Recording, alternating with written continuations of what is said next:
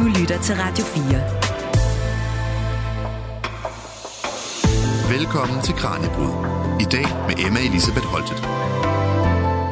Der er mange holdninger til, hvad der former børns psykologiske udvikling. Og i en tid, hvor informationerne flyder frit og uimodsagt, kan det være noget nær umuligt at gennemskue, hvor meget substans der er i de enkelte påstande. Sådan står der bag på den bog, vi dykker ned i nu, nemlig Fakta og myter om børns udvikling. Og det gør vi sammen med forfatterne, der begge er udviklingspsykologer. Det er Trine Sonne fra Aarhus Universitets Psykologiske Institut og Toril Svejstrup Jensen fra VIA University College. Vi vil nemlig forsøge at give dig redskaberne til at navigere igennem forældreskabets informationsjungle, når vi stiller skarp på det helt store spørgsmål. Hvordan ved du, hvad der gavner eller skader dit barns udvikling?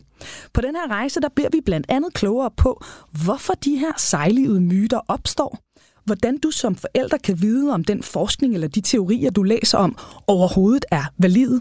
Vi zoomer også ind på, hvad vi i dag rent faktisk ved om skærmbrug og hukommelse. Og så ser vi altså også nærmere på, hvorfor du måske slet ikke har helt så meget indflydelse på dit barns udvikling, som du ellers går og tror. Velkommen her til dagens Kranjebrud. Du lytter til Radio 4. Toril og Trine, vil I her til en start ikke lige fortælle, hvorfor I synes det her om myter om børns udvikling er så vigtigt, og også måske give os et eksempel på en af de myter, I er stødt på? Meget gerne. Øhm, jamen, i virkeligheden så tror jeg, at interessen den, den startede lidt, da vi begge to, uafhængige af hinanden, blev mødre tilbage i 2016. Øhm, fordi vi egentlig stødte på, på flere overraskelser i den forbindelse. Øhm, først og fremmest så blev vi lidt overrasket over de mange gode råd, man kan få som nybagt forældre. Øhm, og al den information, man enten, øh, hvad kan man sige, selv får serveret, eller ser sig selv google midt om natten. Mm. Øhm, og den her øh, strøm af information, den oplevede vi som, som værende rigtig vanskelig at, hvad kan man sige, sortere i, eller navigere i, og ikke mindst vurdere kvaliteten af. Mm. Øhm, men derudover så, øhm, så blev vi også lidt overrasket, fordi der var rigtig mange af de her øh, antagelser om børns udvikling, eller den information, man mødte, som, øh, som vi ikke tidligere havde stødt på, øh, på altså til trods for vores baggrund øh, inde på universitetet. Øh, og den her kløft imellem viden, som vi havde fra universitetet, øh, og den øh, måde udviklingen i virkeligheden blev beskrevet på ude i samfundet, gjorde os rigtig nysgerrige. Mm. Øh, vi var interesseret i at, at, hvad kan man sige, afdække den her kløft, eller forstå, hvorfor der var den her kløft. Øhm, og et af de øh, konkrete eksempler, som, øh, som vi har været interesseret i, det har været øh, hukommelse. Øhm, særligt fordi, at, at det er noget, som vi har forsket i begge to i over en lang årrække. Øhm, men også fordi, at, at hukommelse er lidt sådan en, en, en sjov størrelse i virkeligheden, fordi at der er mange, der har tænkt, at man som små børn ikke kunne, kunne, øh, kunne huske noget som helst. Ja. Øhm, blandt andet fordi, når vi tænker tilbage, så øh, som voksne, så kan det være vanskeligt at huske de første år. Øhm, så, så den her øh, hukommelse, den, den var lidt interessant at dykke ned i. Og altså, vi kan jo godt afsløre, at det har jo haft nogle relativt voldsomme konsekvenser, ikke? at man har antaget det her med, at, at åh, det er lige meget, de kan ikke huske det alligevel. Men har opereret, for eksempel, uden bedøvelse, skriver I. Ja, lige præcis. At, at, at det var noget, man tænkte, fordi børn, det var sådan nogen, der bare levede her og nu, ja. og ikke kunne, kunne danne de her varige repræsentationer. Så derfor så, øh, så undgik man også bedøvelse ved større operationer. Øh, og der er man jo heldigvis blevet klogere i dag. Ja, så det viser altså også, at de her myter er ikke bare nødvendigvis uskyldige mm. fejlantagelser. Altså det kan virkelig påvirke det kan det. vores børns opvækst, hvis man tager fejl. Ikke? Hvorfor og hvordan tror I, de her myter om børns udvikling, de så opstår? Man kan sige, at der er flere grunde til det. Øh, blandt andet det her med, at vi har en tendens til som mennesker, at hvis vi er blevet præsenteret for en information nok mange gange, så tror vi på det. Mm. Samtidig så har vi også øh, en tilbøjelighed til sådan at overse alle de gange, hvor vores antagelser ikke bliver bekræftet, og så bemærker vi, når de bliver bekræftet, altså det vi kalder confirmation bias også så øh, kan vi have en tendens til også at overgeneralisere. Mm. For eksempel, lad os sige, at vi hører, øh, ser et indslag i nyhederne omkring en øh, daginstitution, hvor tingene ikke lige fungerer, som de skal, så har vi en tendens til at overgeneralisere og tænke, at det vedrører, det gælder alle daginstitutioner. Øhm, så øh, har vi også en tendens til nogle gange komme til at overfortolke forskningsresultater.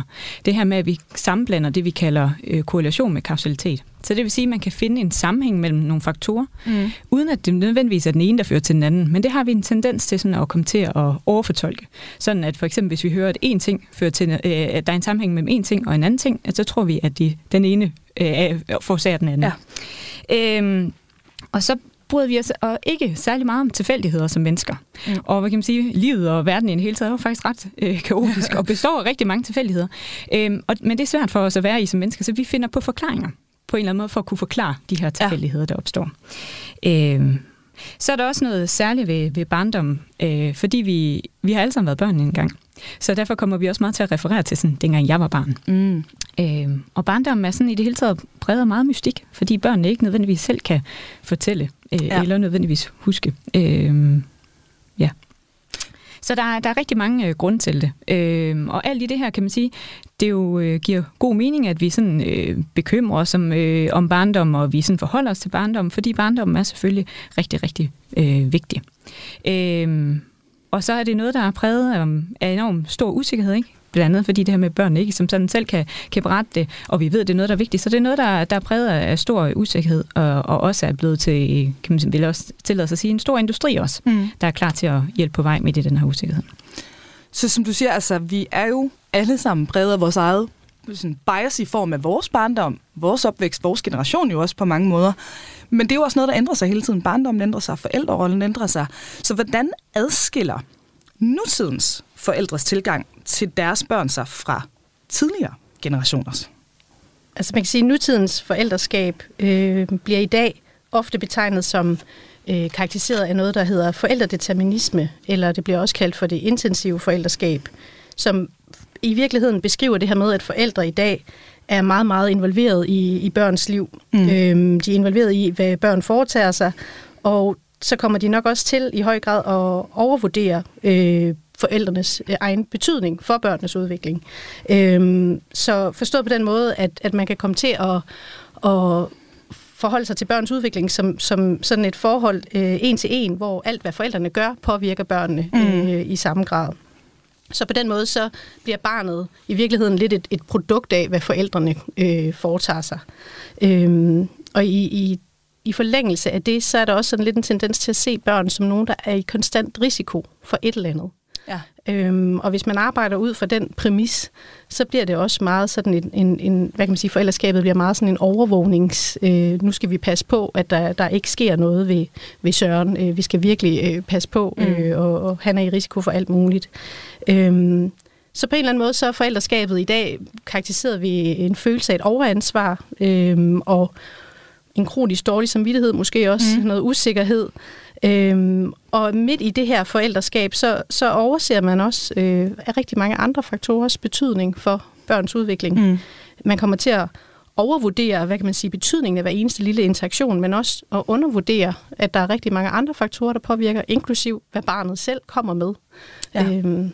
Så det er lidt det, du lige sagde, Torlik, altså den der sådan... Øh lidt jamen, uhyggelig på en eller anden måde for mange mennesker erkendelse af, at der er så meget, der hedder tilfældigheder, der også spiller ind i noget så essentielt som vores børns udvikling, som vi jo så gerne vil have den ultimative kontrol over. Mm. Men Trine, som du siger, det kan vi altså ikke.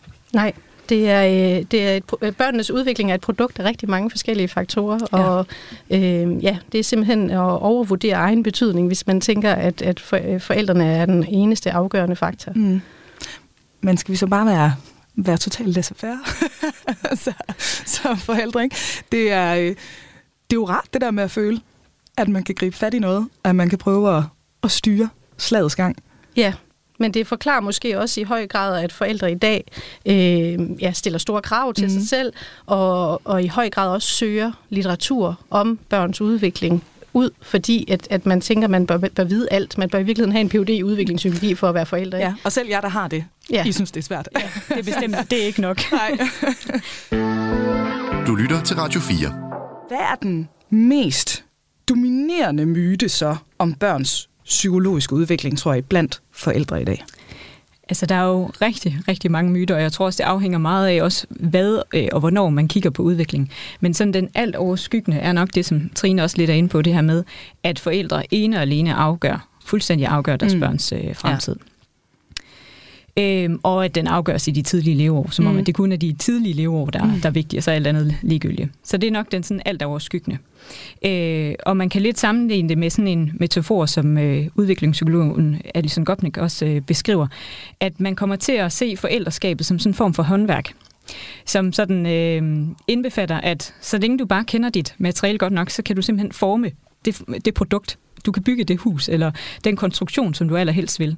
Ja. Øh, men det er jo så ikke tilfældet, kan man sige, som, som Trine også var inde på. Ikke? Altså, der er jo rigtig mange andre faktorer i spil. Mm. Barnet selv øh, er mm. også en del af sin udvikling, og spiller en aktiv rolle i sin udvikling.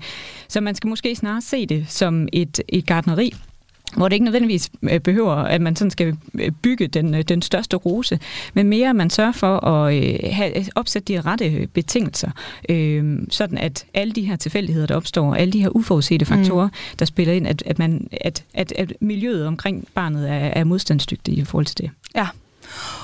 Og at udviklingen, den vej, kan jo gå rigtig mange veje også, ikke? Og lever de her myter i jeres optik også blandt fagfolk? Det tænker jeg helt klart, at, at, at, at, øh, at fagfolk møder øh, ideen om, om det intensive forældreskab i høj grad. Øh, men jeg tænker også, at lige så mange andre myter om, om børns psykologiske udvikling fylder, øh, mm. både blandt fag, fagfolk, men også blandt forældre. Øh, og hele tiden, så, så det, der er vanskeligt, det er, når vi møder et eller andet, udsagn om børns udvikling, jamen husk sig selv på at spørge til, hvor kommer den her information egentlig fra? Og det gælder både fagfolk og, øh, og forældre, øh, at man skal huske at, at stille de her spørgsmål, fordi at, at, at nogle ting måske øh, er baseret mere på myter end, end, end andre øh, informationer om børns udvikling. Ja, og apropos det her med fagfolkene, der arbejder med børnene, men øh, selvfølgelig også med forældreskabet, så skal vi nu høre fra en af dem, der kender udfordringerne i det her arbejde. Det er Dorte Fischer, der er sundhedsplejerske i Rudersdal Kommune, og så er hun også næstformand i Faglig Selskab for Sundhedsplejersker. Hun fortæller her, at de fleste erfarne sundhedsplejersker har bemærket, at der de sidste 15-20 år er sket en ændring i den måde, forældre griber deres rolle an på. Der er sket et stort skift i, i, i hvordan man opfatter sig selv som forældre, eller vil man det, man også gerne vil opnå som forældre. Øhm, og vi kan tydeligt mærke, at det skift er kommet i, i forbindelse med, at man er blevet så digital, at man kan søge al viden på nettet, øhm, og man også selv er digital i forhold til, hvad sender jeg ud om min egen familie. Øhm, og usikkerheden blandt forældre øh, bliver også større, fordi hvad er det rigtige? Det, jeg siger, det der bliver sagt i dag, bliver det også sagt i morgen. Og gør jeg det nu godt nok, og gør jeg det helt rigtigt? Altså, øh, forældre stiller ekstremt store krav til sig selv, og vil helst ikke lave fejl. Og man kan sige, at en del af forældreskabet er jo også, at man laver fejl som forældre. Og som man godt kan reparere ved at sige undskyld til sine børn, eller fortælle, at jeg var lidt træt, eller et eller andet, eller hvis det er et spædbarn, så gør det rigtigt den næste gang. Altså, øh, hvis man vender blæen forkert, nej, nu er det måske et dårligt eksempel, men et eller andet andet, som er nogle ting, som for nogle forældre kan blive meget store. Ligger han nu fuldstændig rigtigt i den rigtige stilling, og må han godt gøre sådan, og sådan nogle ting, ikke, hvor man tænker, jamen det er ikke så vigtigt, og hvis han lige kommer til at ligge forkert en gang, jamen, så næste gang ligger du ham rigtigt på maven. Altså. Men fordi viden arbejder så hurtigt, så søger de ekstremt meget, altså viden. Øhm, og vi kan jo mærke det, når vi kommer ud i hjemmene, så har forældrene jo for det første en masse spørgsmål, og det tror jeg nok, forældre altid har haft, fordi man er usikker, og man har mange spørgsmål. Og vi lever ikke mere sammen med vores bedste forældre, som kan fortælle os alt, hvad vi skal gøre. Men når man så kommer, så har de mange af de der lange lister, og tit har de jo også selv undersøgt nogle af tingene, og det kan man godt mærke, når man så svarer dem, at de faktisk allerede har søgt. Og det er jo også helt okay.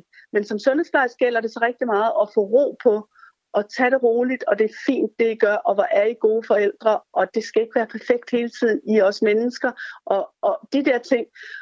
Og faktisk er det en fantastisk ting at mærke, når man kan det som sundhedsplejerske. Giv de forældre en lille smule ro, fordi der er så meget, de kan søge på, og der er så meget, de gerne vil gøre rigtigt. Men bliver I også mødt med en eller anden form for skepsis, fordi de har læst noget på nettet? Ja, det kan man godt. Nogle gange, så bliver man sådan lige efterundersøgt om, jeg har da egentlig læst, at det kan da også godt være, og, sådan, og der er det jo som sundhedsplejerske, vi har en stor faglig viden. Vi har været sygeplejerske i mange år. Øh, vi arbejder på børneafdelingen, vi har været barsel. Vi har læst videre til sundhedsplejerske halvandet år, og vi har faktisk en meget stor viden omkring børn med os. Så den der med, hvis vi sådan kan virke rimelig sikre, øh, så kan man give ro på. Men helt klart, der bliver tit sagt, at jeg har faktisk læst, at det også kan gøres sådan og sådan. Men det skal man jo også vide, at nogle ting i forældreskabet kan også gøres på forskellige måder. Øh, men det gælder egentlig om, for, i mit arbejde, at få lidt ro ved familierne, så de tror på sig selv, så de ikke, så de tror på deres egen mavefornemmelse, eller deres egen mærker deres egne følelser, og kigger på deres børn, i stedet for at prøve at søge og søge og søge, hvad er nu det rigtige, og hvordan gør jeg det rigtige. Men det er, altså det er virkelig, virkelig øh, svært, fordi at man vil gøre det så rigtigt i dag. Og det er noget, I taler om øh, sundhedsplejersker imellem? Ja, det noget, vi taler rigtig meget om. Øh, og derfor taler vi også meget om det der med, kan vi få dem til at lægge telefonerne væk? Kan vi få dem til at lade være med at søge på nettet så meget? Men mere se på deres børn. Har han det godt? Hvordan synes du, han øh, ser han ud til at trives godt, synes du? Øh, kan han lide det, du gør med ham? Hvor hun sovede godt, og, og fordi også, hvor meget skal de sove, og er det okay, når de sover sådan og sådan, ikke? Altså, usikkerheden. Og jeg, jeg ved ikke, jeg kan ikke 100% sige, om, de, om forældre er blevet mere usikre, men usikkerheden er bare sværere i dag, fordi du kan søge svarene så mange steder.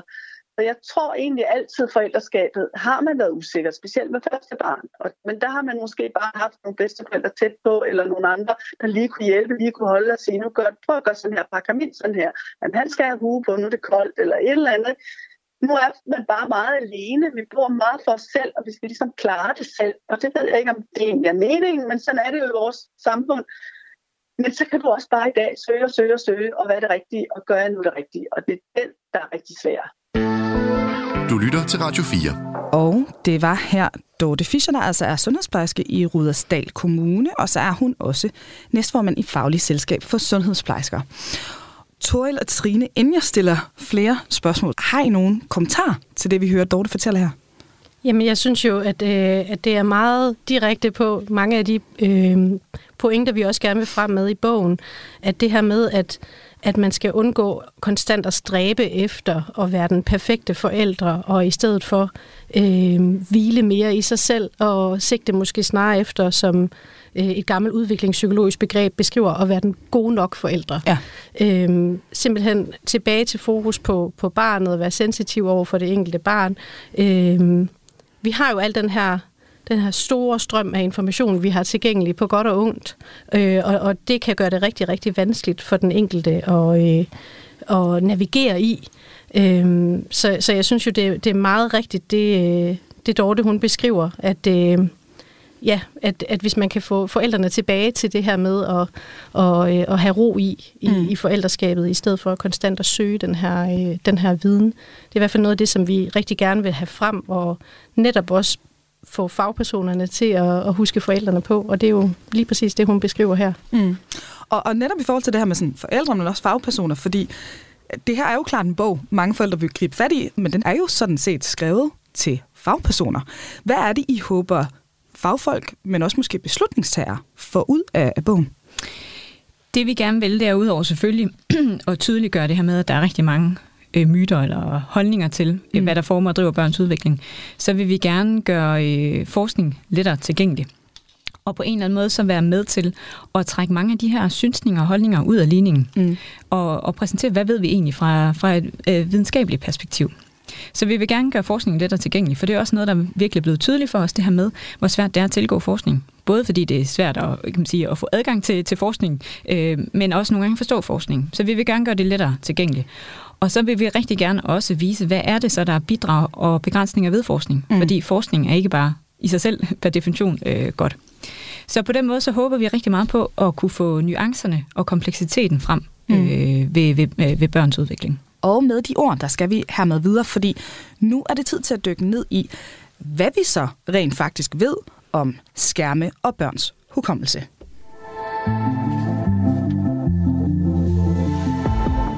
Du lytter til Kranjebrud på Radio 4. Og med i studiet i dag, der har vi Trine Sonne og Torel Svejstrup Jensen, udviklingspsykologer og forfattere til fakta og myter om børns udvikling, som vi altså dykker ned i her i dag.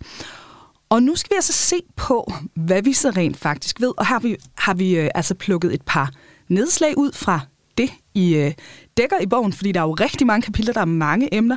Men øh, vi starter med noget, som jeg tror næsten alle forældre, de brydes med. Nemlig, hvad det gør ved vores børn at sidde med iPads, smartphones osv. Altså, hvad ved vi egentlig om skærme og børns udvikling? Altså, man kan sige, ja, som du selv måske er lidt på vej ned, øh, ind i det. Altså, de her skærme, de er alle steder. Mm. Det er allemands eje, og, øh, og det er noget, der i den grad fylder både for småbørnsfamilier, øh, børnefamilier i det hele taget, og blandt øh, fagpersoner. Og der er meget fokus på det her med, at det er noget, der skader børnens udvikling. Mm. Men uden at det sådan nødvendigvis er, er, er tydeligt, øh, hvad, hvad menes der med, om det skades, øh, øh, skader børns udvikling? Altså i forhold til hvad? Så det er en af de ting, som er sådan lidt, lidt sværere at blive helt klog på, hvis vi ikke er enige omkring i forhold til hvad. Øh, så vil jeg gerne, inden vi sådan snakker videre omkring, måske hvad, Øh, hvad vi ved omkring det her med, med, med skærme, øh, lige tydeliggøre det her med, at, øh, at skærme mange gange bliver brugt som en fælles betegnelse for rigtig meget. Altså sådan et paraplybegreb, der dækker rigtig mange forskellige ting. Øh, men øh, skærme er jo mange forskellige slags enheder. Det er jo både smartphones, tablets, øh, computer osv. Øh, og så er der også stor forskel på indholdet, og også måden, vi bruger det på. Øh, og det er et aspekt, som ikke altid bliver sådan tydeligt gjort så meget, mm. når vi diskuterer det her med skærme, fordi det bare bliver sådan betegnet, eller under en samlet betegnelse, skærme.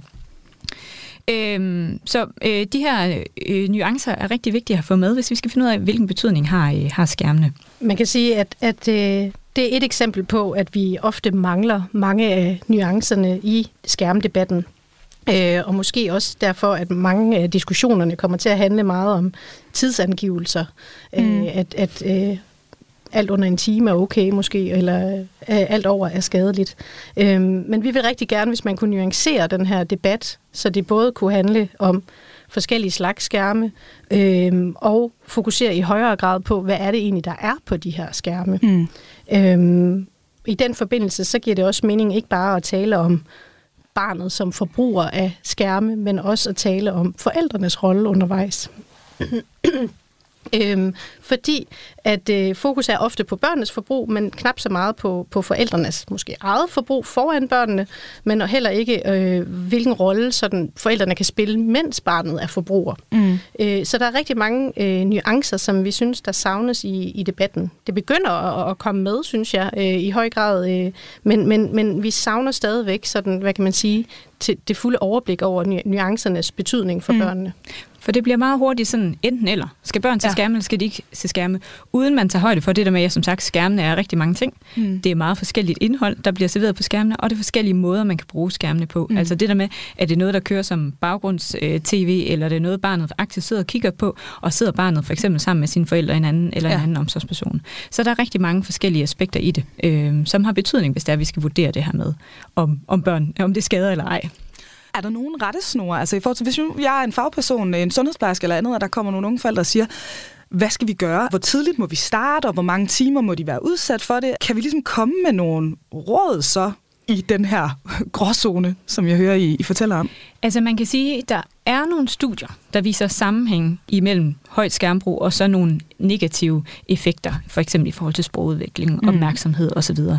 Øhm, men, men jeg lægger lidt væk på det her med sammenhæng, fordi som jeg også var, var i gang med at fortælle om indledningsvis, ikke, når vi kommer til at overfortolke forskningsresultater, så er det netop det her med, når der er sammenhæng, så ved vi ikke rigtig helt, hvad forårsager hvad. Mm. Kan der have været en eller anden sprogforstyrrelse inden, øh, eller det skærmbrud, der forårsager det? Altså vi ved ikke, i hvilken retning går, går den her sammenhæng, og vi ved heller ikke nødvendigvis, om der er andre faktorer øh, mm. på spil. Så der er nogle enkelte studier, der viser, at der er nogle, øh, nogle sammenhænge øh, mellem højt øh, skærmforbrug og, og øh, som negativ øh, udviklingsmæssig udfald. Øh, men så er der også nogle studier, der ikke kan genfinde de her mm. sammenhænge. Og i det hele taget, det vi er udfordret af, det er, at, øh, at vi ikke rigtig har så mange længerevarende studier endnu. Øh, teknologien går rigtig, rigtig stærkt, og mange gange også, øh, eller i langt de fleste tilfælde hurtigere end forskning ja. øh, går. Jeg tror ofte, så kan man komme til at øh, undervurdere, hvor lang tid forskning egentlig tager. Øhm, så, så der er mange, der er blevet overrasket, når jeg har fortalt, at, at no, nogle studier, de tager jo altså simpelthen flere år, fra de er designet, til de øh, kommer ud, øh, så den enkelte kan forholde sig til resultaterne. Ja. Og det er jo altså lang tid, når man sammenligner med, hvor hurtigt teknologien udvikler sig. Øh, så det, det kedelige svar er jo, at vi ved ikke nok. Vi kan ikke give et entydigt svar på det her område. Øhm, og så er der jo så netop nogle organisationer, der går ud og anbefaler forsigtighedsprincip, at, at, at vi simpelthen undlader det for de yngste, for Mhm. eksempel, mm. øh, og sætte de yngste foran skærmene. Øh, men, men, men de fleste, de understreger også, at det er baseret på det her forsigtighedsprincip. Noget, som vi øh, synes, der er lidt interessant at, at skele til i stedet for, det er sådan noget med, hvor, hvor meget kan børn egentlig lære fra skærmene. Mm. Øhm, fordi der har været sådan lidt en, en tendens til også at tænke, at, øh, at børnene fik rigtig meget ud af at se skærme. Øh, I hvert fald, hvis man udvalgte nogle programmer, som var særligt tilrettelagt, måske øh, i forhold til, at, at børnene skulle, skulle kunne lære noget fra det indhold. Øh, og øh, der kan man i hvert fald se, at, øh, at, at, at, at det kan være lidt vanskeligt for de yngste at, at lære noget fra skærmene. Det er en vanskelig opgave faktisk øh, for dem at tage den information, de har lært fra en skærm, og så bruge det, øh, hvad kan man sige, i, i det, den virkelige verden, øh, den umiddelbare kontekst efterfølgende. Og det må man jo sige er formålet med læring, at Ja. vi skal kunne overføre noget fra øh, et sted til et andet. Øhm, og det går under den her betegnelse, som man, betegnelse, som man, man øh, br- bruger øh, media deficit effekt. Det her med, at små børn, de klarer sig simpelthen dårligere, hvis de lærer noget fra skærme og skal omsætte det til den fysiske verden. Mm. Øhm, og det er noget, man sådan typisk har, har undersøgt, blandt andet ved hjælp af et paradigme, som hedder forsinket imitationsparadigmet. Og jeg har taget det remedie med her i Ja. dag, som står her på bordet foran os, øhm, som er, øh, hvad vi kalder en spinner. Øh, og det er øh, et remedie, som man ikke kan købe nede i Fætter BR. Det er noget, vi har fået specielt tilrettelagt til vores forsøg. Øh, men det er også et remedie, som man typisk bruger, hvis man skal blive klogere på, hvor meget børn kan lære fra skærme. Og det er sådan en, en meget sød lille øh, trætrins øh, sekvens, man lærer børnene. Så øh, man har sådan et stykke legetøj her, der er lavet ud af træ, og så øh, kan man øh, rejse en, en pind på, øh, på det her øh, remedie, og så kan man placere den her pind, som jeg øh, har taget med øh, ovenpå den, og hvis man så drejer på den efterfølgende, man kan måske høre den, øh, hvad hedder det, drejer rundt nu, så får barnet en, en sjov oplevelse, fordi nu virker den her spinner. Så der er sådan tre, øh, hvad kan man sige, handlesekvenser, der skal til, eller tre, hvad hedder det, handlinger, der skal til for at udføre den her. Øh, og det vil man så enten vise børnene, mens øh, forsøgslederen står direkte foran mm. dem, eller øh, via en tv-skærm.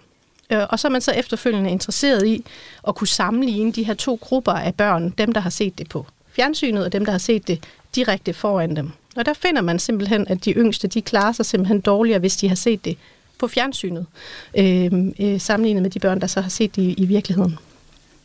Øhm, og det har man fundet ud af, at det er noget, der påvirker børnene helt op til øh, 2-3 års alderen, øh, at, at de simpelthen klarer sig dårligere, når de har lært tingene i et format, øh, og skal overføre det til et andet format. Har vi nogen idé om, hvad forklaringen er på, at det er dårligere med en skærm? Det er øhm, ikke nødvendigvis, fordi det er en skærm faktisk, fordi man vil finde det samme, hvis de nu sad og læste i en bog. Så det her med at overføre fra et format til et andet er, er simpelthen vanskeligt. Øhm, en af forklaringerne kan være, at det er ikke så sansemæssigt berigende, for eksempel at se de her remedier på, på fjernsynet. Vi mister enormt meget information, som vi kan se, når vi ser på det øh, direkte foran os. For eksempel sådan noget som dybde cues. Øh, det kan være, at størrelsen er anderledes, når vi ser det på skærmen øh, versus i virkeligheden. Øh, og det er til synligheden bare en vanskelig opgave for dem, det her med at forstå, at det her på fjernsynet er det samme, som jeg skal have i hænderne bagefter. det er, altså, det, der måske kan være med til at mindske den her øh, øh, defekt også, øh, det er, øh, hvis det er indhold af høj kvalitet, altså hvis det er sådan meget læringsrigt pædagogisk indhold, det kan gøre en forskel, men det kan også gøre en forskel, hvis for eksempel barnet sidder sammen med sine forældre og ser programmet, og forældrene kan være med til at guide og rette barnets øh, opmærksomhed mod, hvad er det centrale her, du skal holde øje med, og også taler med barnet omkring indholdet. Det kan sådan være med til at, at mindske den her effekt. Det, der så er sådan stadigvæk lidt uklart, og som vi også håber, forskningen vil blive klogere på, det er sådan, hvad, hvad karakterer ser så indhold øh, af, af høj kvalitet? Også for, at det skulle blive lettere som forældre at navigere i, okay, hvad så, hvad så godt øh, tv-indhold for eksempel? Øh, men altså, man kan sige overordnet set, at grund til, at vi også vælger det her fokus på, om børn kan lære fra, øh, øh, fra skærmene, er også lidt, lidt ligesom for at gå lidt mere måske konstruktivt til værks i den her skærmdebat. For man kan sige, at skærmene er jo ligesom kommet for at blive. Så hvordan ja. kan vi måske udvikle programmer, øh, øh, for, for ligesom at, at børnene måske kan, kan få mere ud af det?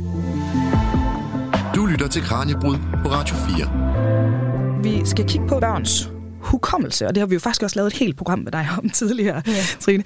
Hvad ved vi faktisk om det? ja, altså øh, børns hukommelse er et ret øh, interessant felt. Det er måske en lille smule biased også, fordi det er det, jeg har forsket i de sidste knap 12 år.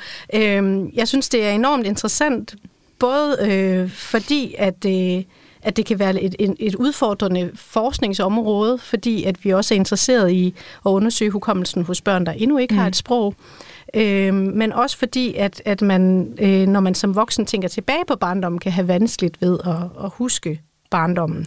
Øh, og det er paradoks, at, at vi ved inden for udviklingspsykologien, at vores barndom er faktisk afgørende for, øh, i hvert fald til en vis grad, hvordan vi har det som, som voksne, men at vi alligevel ikke kan huske det. Øh, der sker enormt mange, øh, hvad kan man sige, store oplevelser for små børn. Man lærer at tale, man lærer at gå, mm. men, men, men de oplevelser kan vi ikke genkalde os, når vi, når vi vokser op.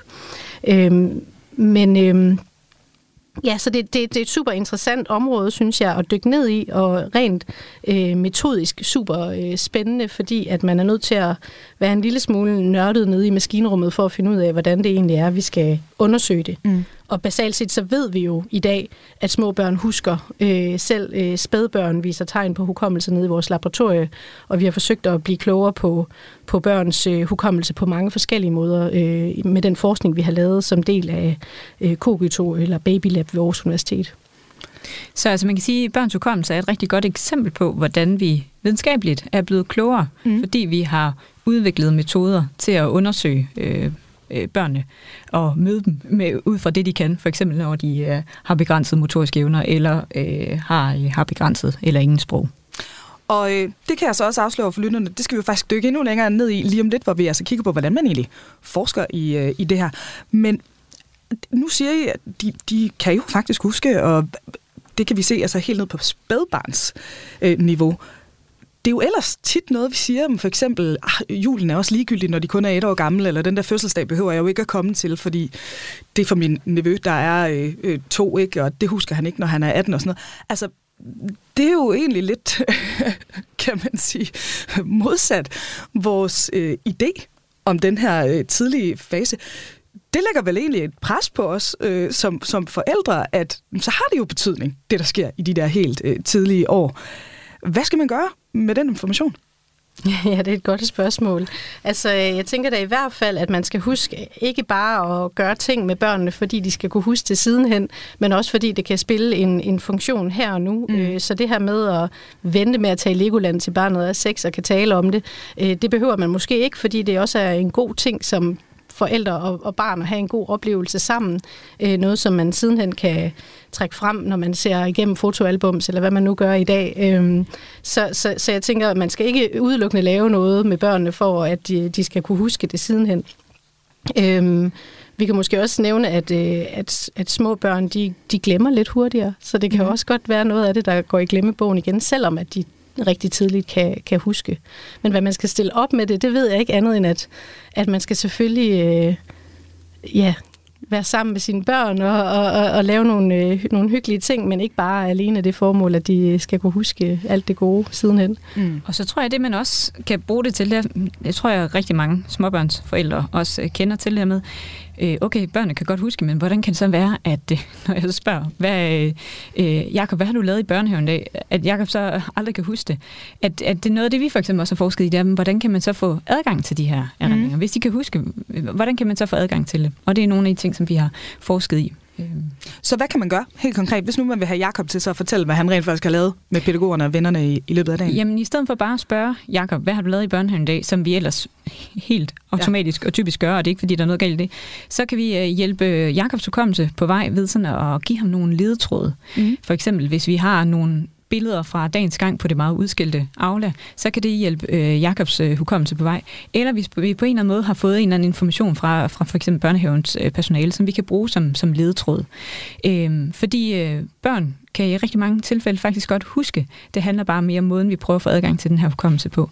Øhm, og det er i mange tilfælde lettere for børnene, hvis de sådan kan spontant øh, komme i tanke om noget, de har oplevet. Og det er noget, man gør, for eksempel hvis man får serveret en ledetråd. Mm. Man kommer ind i tanke om den samme oplevelse, som hvis man bliver spurgt til det, men for børn, der er det, der er det altså lettere, hvis, hvis de får mulighed for at huske øh, spontant. Altså den her form for erindring, jeg tror også, de fleste kender det, ikke? Det her med lige pludselig ud af det blå, så kommer man i tanke om noget, man, man har oplevet. Ja, og hermed, der tager vi altså et uh, kig ind i maskinrummet for, hvordan forsker vi egentlig i børns udvikling. Det er nemlig langt fra lige til. Det her er et forskningsområde med store etiske dilemmaer, så hvordan man rent faktisk indsamler og afdækker viden, det får vi svar på nu.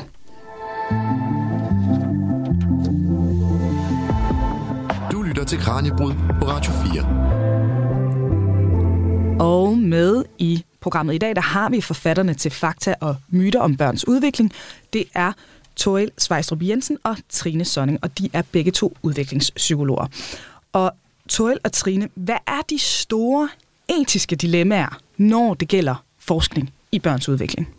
Altså man kan sige, at der er rigtig mange etiske dilemmaer, dilemmaer forbundet med forskning generelt. Øhm, men selvfølgelig, hvis vi er interesseret i at undersøge noget med børn, så er der nogle særlige hensyn, øh, man skal tage. Især hvis man vil blive klogere på noget, som måske skader dem, eller øh, potentielt set øh, fremmer deres udvikling. Så, øh, så, så er der selvfølgelig rigtig mange overvejelser, man bør gøre sig. Øhm, og øh, man kan nok ikke få særlig mange forældre til at tilmelde øh, lille Søren øh, et, et forsøg, hvis, hvis det, man er interesseret i at undersøge, det er, hvor skadelige skærme er over for, for børns udvikling, eller hvis man vil bede dem om at indlægge barnet til syv timers skærm hver dag, for at se, hvad, hvad det i sidste ende vil gøre. Så, så der er rigtig mange overvejelser, man, øh, man bør gøre sig. Øh, og øh, man kan jo sådan se lidt øh, historisk øh, på det også, fordi der er øh, historisk set har der været nogle eksempler på, hvor man ikke tidligere har haft sådan samme tanker om etiske forhold, øh, som vi har i dag. Øh, der er for eksempel et meget kendt studie, som øh, hedder Lille Albert, eller som man har kaldt for Lille Albert, øh, hvor at man simpelthen udsat Albert for en hel del ting, som man helt sikkert øh, ikke vil øh, have lov til i dag. Øh, fordi man blandt andet var øh, interesseret i at undersøge, om man kunne betinge Lille Albert til at blive bange for en rotte, hvis man præsenterede ham for den her rotte, samtidig med, at man øh, slog med et øh, jernrør, så det gav en, en rigtig, rigtig høj lyd. Mm. Øhm, så øh, øh, af mange grunde, så kan man sige, at det her øh, studie nok ikke havde været accepteret Ej. i dag. øhm, og, øh, og det kan man sige, heldigvis så laver man ikke den her slags eksperimenter i dag, men samtidig så var det også noget, der kunne gøre os rigtig klog på mange forskellige øh, emner.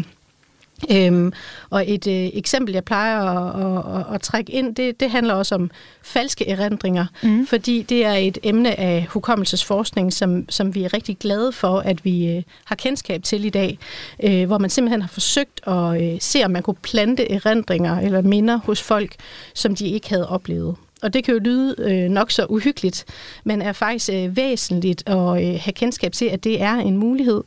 Øh, simpelthen at gå ind og plante erindringer hos ganske almindelige mennesker øh, ved at spørge selv relativt simple spørgsmål øh, og udskifte et simpelt udsagnsord hister her. Øh, og det er simpelthen afgørende viden for for eksempel politifolk, der er ude og mm. afhøre vidner i dag, øh, at hov, vi skal faktisk være opmærksomme på måden, vi spørger til folks øh, oplevelser på. Øhm, så der er sådan nogle gråzone øh, eksempler, kan man sige, hvor, hvor øh, man kunne måske tænke, at der var noget etik forbundet ved, bør vi gøre det her, men hvor at, øh, hvad kan man sige, den viden, man ender med at få ud af det i sidste ende, er så afgørende betydning, at, at det er øh, relevant at gøre det stadigvæk. Og, og nu, nu siger du det her med, at der har været de her forsøg, som man jo aldrig vil få godkendt i dag. Det vil ikke ske læner vores viden på området så, så stadig op af de her gamle forsøg? For de er jo lavet, der er noget, noget data, noget fakta at tage, tage fat i der. Altså man kan sige, at lille Albert-forsøget øh, har jo bidraget med rigtig meget vigtig viden, særligt ja. også inde på for, for angstområdet. Øhm, så, så man kan sige, vi kan jo stadigvæk bruge noget af den viden den dag i dag, øh, men det store spørgsmål er så selvfølgelig, var det det værd? Altså, på, mm. det var på bekostning af lille Albert. Var det, den viden, vi fik ud af det, var det så egentlig det, øh, var det, det værd? Og hvordan, når nu vi ikke må lave forsøg som lille Albert-forsøget, hvordan laver vi så forsøg eller indsamler viden om børns udvikling i dag. Vi har jo set spænderen, ikke? Det virker hamløst. Der kan jeg godt se, det må man vel gerne sætte børn til. Øh, men altså, kan vi sige noget mere overordnet om, hvordan I og andre på området griber den her opgave an? Man kan jo selvfølgelig lave forsøg på rigtig, rigtig mange måder. Øh, og den forskning, som, som vi kender til, og som vi har arbejdet med, det er primært eksperimentel forskning. Mm. Så det vil sige, at vi, vi som oftest har, øh, hvad kan man sige, lavet en eller anden øh, form for laboratoriehændelse, som børnene skulle på den ene eller den anden måde opleve, og så sidenhen har vi været interesseret i at teste, om de kunne huske det. Og det har så både været i forhold til øh, helt små børn, spædbørn, der ikke kunne snakke, øh, men også ældre børn. Øh, og det er, det er en særlig form for, for undersøgelser, øh, hvor man selvfølgelig tager hensyn til alt muligt etisk, øh, men søger forhåbentlig om godkendelse et eller andet sted, for at få lov til at, at, at lave sådan et forsøg. Men så er det, det, det sjove ved sådan en form for forskning, synes jeg personligt, det er at, at kunne lege lidt med, hvordan man udvikler en metode, som tillader det her med at få indsigt i, hvad barnet egentlig ved om noget, og øh, skabe en hændelse, som barnet synes mm. er interessant og sjov, og som barnet forhåbentlig senere kan huske. Øhm, og det er selvfølgelig vigtigt, at man, hvad kan man sige, får piloteret det. Det er det, det, vi kalder, at man piloterer det, at vi afprøver det simpelthen på nogle børn, for at se, om de oplever det samme ved det forsøg, som, som var hensigten fra forsøgslederen. Mm. Øhm, så det, det er sådan en måde, man kan sådan afprøve, om, om, om vi har samme oplevelse. Og så øh, får vi typisk rigtig, rigtig mange børn ind til vores forsøg. Øh, det kan være alt fra 40 børn til flere hundrede børn, når vi er interesseret i at, at undersøge noget. Øhm, ja, vi kan jo give mange eksempler på konkret forskning ned fra vores laboratorium. Mm. Vi, har, vi har lavet rigtig meget forskning med de her øh, forsinkede imitationsparadigme, som, som jeg allerede har mm. fortalt mm. om. Men vi har også øh, rigtig mange studier af små børns øh, hukommelse ved hjælp af eye-tracking, hvor vi simpelthen præsenterer dem for noget materiale på en skærm, og så registrerer vi ved hjælp af en eye-tracker præcis, hvad det er, børnene de kigger på. Øhm, og det har man i lang tid taget som udtryk for hukommelse. Mm. Hvis man øh, laver et velkontrolleret studie, hvor man for eksempel viser en gruppe børn et bestemt slags øh, stimulus, øh, stimulus, og en anden gruppe børn et andet slags øh, stimulus. Og så når de kommer tilbage efter 14 dage, i, som det typisk er i vores laboratorie, så tester man så deres hukommelse ved at præsentere begge former for materiale på samme tid. Og så registrerer man præcis, hvilket øh, billede børnene, eller hvilken film børnene kigger mest på. Mm. Øh, og det tager man så som udtryk for, for hukommelse. Og man kan sige, at fordelen ved de her laboratoriestudier er, at vi har rigtig meget under kontrol. Mm. Vi ved helt præcis, hvad er det, børnene har, øh, har oplevet. Så på den måde kan vi gå ind og manipulere med forskellige ting, og så lave rigtig mange undersøgelser. Øh, og jeg vil sige, noget af det, der virkelig fascinerer mig ved det her område, det er ud over det her, som Trine var inde på, at øh, udtænke et design, som giver mening for børnene, og som de, øh, som, som, som de forstår. Så en anden ting er, øh, det er det her med faktisk også at få børnene med på det.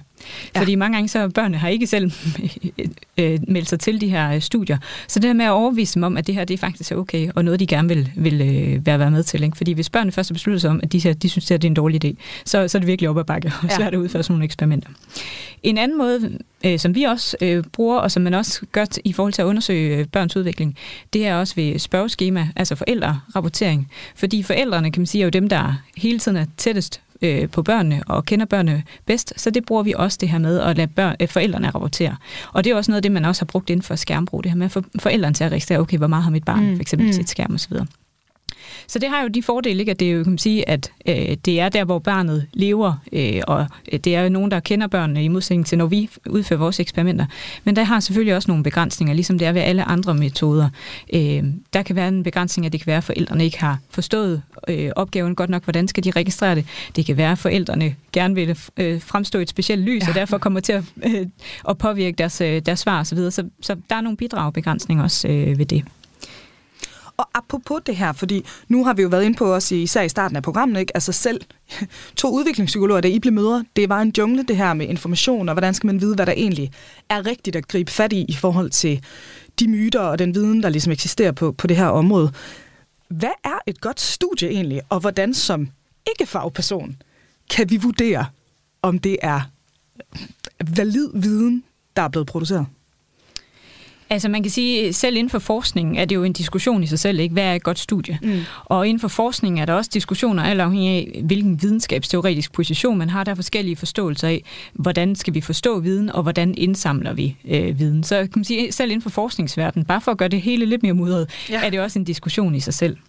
Øhm, jeg vil øh, mene, at øh, det, der kendetegner et godt studie, det er, at det er gennemsigtigt og transparent. Mm. Forstået på den måde, at det er tydeligt, hvordan er det tilvejebragt. Øh, sådan at det gør det muligt for, for andre øh, udefra øh, forstående at vurdere, øh, hvordan ja, det er tilvejebragt, mm. fordi der er bidragbegrænsninger ved alle metoder, vi bruger. Øh, så, så det vil jeg mene, i hvert fald den her form for transparens og gennemsigtighed øh, kendetegner et godt studie. Mm. Trine, hvad tænker du? Jeg tænker, det er super svært at vurdere for, for den enkelte, øh, hvad et godt studie egentlig er. I virkeligheden så er det jo lidt et håndværk, som, som vi, øh, der har taget en, en PhD-uddannelse, er blevet udlært i. Øh, og i virkeligheden så findes det perfekte eksperiment nok ikke. Øhm, så, så det handler i, i langt, langt hen ad vejen handler det om at lave det studie, som har sådan det mindst ødelæggende kompromis, kan man sige. For der er altid et eller andet, man bliver nødt til at, øh, at ændre på, eller ikke kan, kan blive ligesom man, man håbede på. Øhm, noget af det, som man nok skal, skal spørge sig selv om, det er... Øh, hvad er det egentlig, vi ønsker at undersøge, mm. og at det så er det, som bestemmer, hvordan vi undersøger det. Mm. Så, så, øh, så det her med at huske på, hvad er det for et fænomen, vi er interesseret i at undersøge, og så først bagefter bestemme, hvordan, hvordan vi egentlig vil undersøge det. Øhm, og så er det rigtig vigtigt også, måske kan den enkelte godt være med til at gå ind og vurdere, om den konklusion, som der så bliver øh, skabt på baggrund af et, et, et studie, øh, passer den egentlig til designet eller til resultaterne. Øh, fordi at ofte så, så kan der være et ønske om at kunne generalisere, at, at mm. nu har vi fundet det her ved, ved, i det her forsøg, så det må også gælde for alle andre børn. Men der er det selvfølgelig væsentligt, øh, er, er der belæg for at kunne, kunne lave den her generalisering, mm. og vurdere, om, om, om den generalisering giver mening. Øhm, og man kan sige, det gode studie er måske en diskussion, så kan den anden diskussion være, hvordan man behandler data, og, og hvordan man egentlig fortolker data. Øhm, men vi forsøger faktisk i vores bog sådan at, at gennemgå konkrete studier, så man også kan, kan følge lidt med i, hvad kan man sige, ikke måske maskinrummet, men i hvert fald, hvad, hvad vi sådan har, har tænkt, og hvordan vi forholder os til forskellige konkrete studier. Og, og apropos det her, fordi vi nærmer os øh, slutningen her på, på dagens program. I jeres optik, hvad er så det væsentligste at forske videre i, når det gælder det her område og, og børns udvikling? Altså, der er rigtig mange temaer om børns udvikling, som vi meget gerne vil øh, dykke videre ned i. Øhm, I det hele taget rigtig meget hvad kan man sige, forskning, som vi rigtig gerne vil omsætte til, til praksis. Øh, vi er i høj grad interesseret i at bygge den her bro mellem forskning og praksis. Så, øh, så det, det er i virkeligheden det vigtigste for, mm. for, for, for mig og for os lige nu, at arbejde videre på, på den del. Øhm, vi har hver for sig nogle forskellige projekter øh, i gang. Øh, jeg er i, lige nu i gang med at kortlægge forskellige faggruppers viden om, øh, hvordan hukommelsen fungerer. Mm. Øh, og det synes jeg er super interessant, og noget, som også kan have relevans for praksis, når man arbejder med øh, for eksempel vidner øh, i retssager. Og jeg øh, skal til at i gang med et projekt omkring underretninger på børn. Hvordan socialrådgiver træffer beslutninger, når der kommer underretninger på mm. børn. Og det kan man sige, det taler også en lille smule ind i det her. Ikke? Altså undersøge det her med, bygger det på nogle synsninger, mm. nogle erfaringer, eller hvad er det egentlig, på hvilken baggrund er det egentlig, at, øh, at vi træffer beslutninger. Ja. Men ja, overordnet set, så har vi øh, rigtig mange idéer øh, på tegnebrættet til alle mulige forskellige tematikker, som man, man kunne dykke ned i øh, omkring børns udvikling. Der var også rigtig meget, der ikke kunne nå at komme med i den her bog. Så, øh, så, så måske kunne... bog nummer to? Ja, lige præcis. Det kunne man godt forestille sig. og øhm, det er jo altid et svært spørgsmål, men hvis nu lytterne skal tage en lektie med herfra, for som vi har været inde på, det er jo en gråzone, det her, og især når man står i måske sit første forældreskab, altså den største udfordring at sortere i al den her viden. Hvis I skal lære én ting her fra, fra dagens udsendelse, hvad håber I så, det er? Vi, vi håber i virkeligheden, at man husker det her med, at børns udvikling er kompleks. Mm. Det påvirkes af rigtig, rigtig mange forskellige faktorer. Øh, og nogle gange er det okay at stille sig tilfreds med, at der ikke er entydige svar på alt om børns udvikling, men at man husker at bevare den her nysgerrighed ja. øh, på området. Og så er det rigtig vigtigt, når man får præsenteret noget viden, at man stiller sig kritisk over for den. Tænker over, øh, måske også spørger til, hvor kommer den her viden egentlig fra? Og forstå det her med, at bare fordi, at måske at det bliver citeret som forskning har vist, så er det ikke nødvendigvis entydigt godt. Øhm, det er vigtigt at vide lidt omkring, hvor den her forskning den også stammer fra. Og det bliver hermed ordene i den her omgang af Kranjebrud, og altså hermed altså også en, en opfordring til måske, nu parafraserer jeg, men at nyde ens forældreskab, og også øh, vide, at det at være en glad og afslappet forælder er afgørende for ens børns udvikling. Ja, helt sikkert. Vi håber virkelig, at småbørnsforældre husker at sænke skuldrene. Ja. Ja. Den opfordring håber vi, øh, der bliver lyttet til derude. Vi har altså i dag haft fornøjelsen af Trine Sonne og Torel Svejstrup Jensen, der altså begge er udviklingspsykologer og forfattere til Fakta og myter om børns udvikling, som I altså kan dykke ned i, og hvor mange flere myter bliver øh, øh, bustet og øh, vendt på øh, hovedet og undersøgt i øh, den her bog. Hvis du vil dykke endnu mere ned i børns hukommelse, så gå ind i Kranjebruds programarkiv og find afsnittet Hvordan husker børn oplevelser? Det er tilbage fra februar 2022, og her var Trine Sonne også med som gæst. Nu går vi på weekend, men vi er som altid tilbage på mandag kl. 12.10 med endnu mere videnskab til dig. Her zoomer vi ind på barnets nye lov, for er der egentlig videnskabeligt belæg for de her nye, store juridiske ændringer? Indtil da, der er der ikke andet tilbage end at sige farvel herfra. Nu er det blevet tid til nyhederne. Mit navn det er Emma Elisabeth Holtet. Kranjebrød er produceret af Videnslyd for Radio 4. På genhør, og tak fordi du lytter med. Det er min sidste måltid. Jeg skal dø lige om lidt. Hvordan skal jeg dø? Mange vidunderlige gæster har spist deres sidste måltid hos mig. Min fars rummelighed kom lidt på prøve, da jeg sagde, at jeg havde været sammen med en kvinde. Sammen har vi talt om liv, død, om mad og om det eftermæle, som ingen af os undslipper. Jeg hedder Lærke Kløvedal, og jeg er vært på det sidste måltid. Du kan lytte med i Radio 4's app, eller der, hvor du lytter til din podcast. Radio 4. Ikke så forudsigeligt.